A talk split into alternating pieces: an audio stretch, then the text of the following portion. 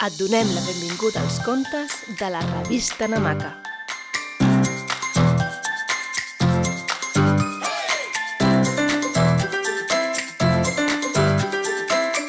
Avui t'explicarem el conte El viatge d'una dona valenta.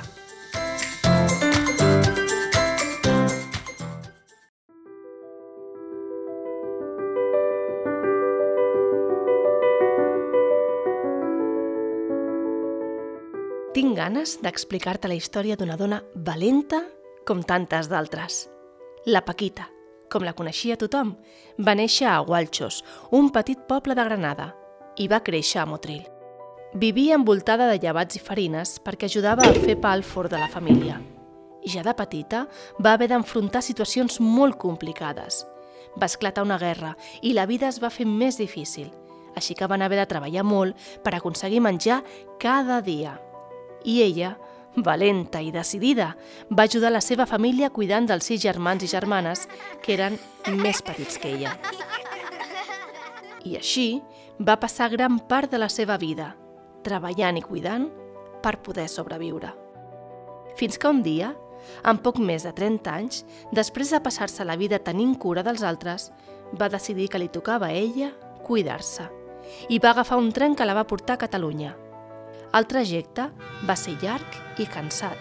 Els trens d'abans no anaven a la velocitat dels d'ara, però no li va importar passar hores mirant per la finestra mentre pensava en el lloc cap a on es dirigia, allà on construiria la seva nova llar.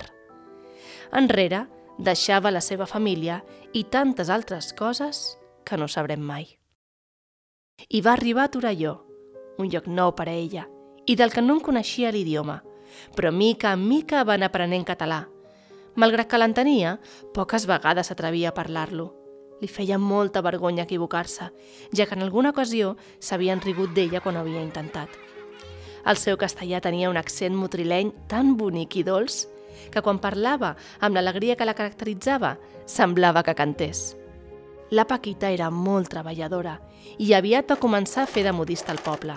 Arreglava vestits, faldilles i pantalons, i com que en sabia molt, també en creava de nous. Amb una tela de roba confeccionava un vestit o una brusa ben elegants. També cosia pantalons molt còmodes i li encantava fer sabates d'estar per casa. Entre fils i agulles va conèixer en Fernando. Ell també havia deixat el seu poble, Los Anglis, per trobar una manera de sobreviure a Catalunya.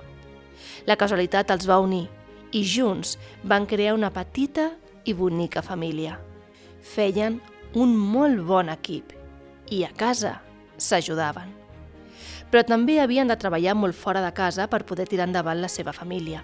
En Fernando carregava troncs en una torneria i la Paquita va canviar els fils i les agulles pels casquets de les bombetes en una fàbrica.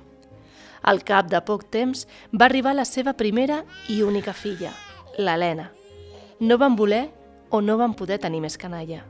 Qui sap? Els anys van passar i la Paquita es va convertir en la iaia, l'abuela, la Cookie, la meva iaia. T'he volgut explicar una petita part de la història de la meva iaia per, amb ella, reivindicar les àvies. Les vides de les àvies són molt importants perquè les dones que treballen i que estimen i tenen cura de les seves famílies són les que ajuden a construir un món millor. I tot sovint, les feines de cuidar i estimar són les menys valorades. Tu ja coneixes la història de la teva iaia o de les teves iaies? Si no, fes-los la pregunta. Segur que tenen coses molt boniques per explicar-te.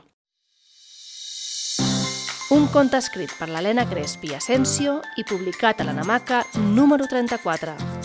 Descobreix més històries namaquianes a www.revistanamaca.com.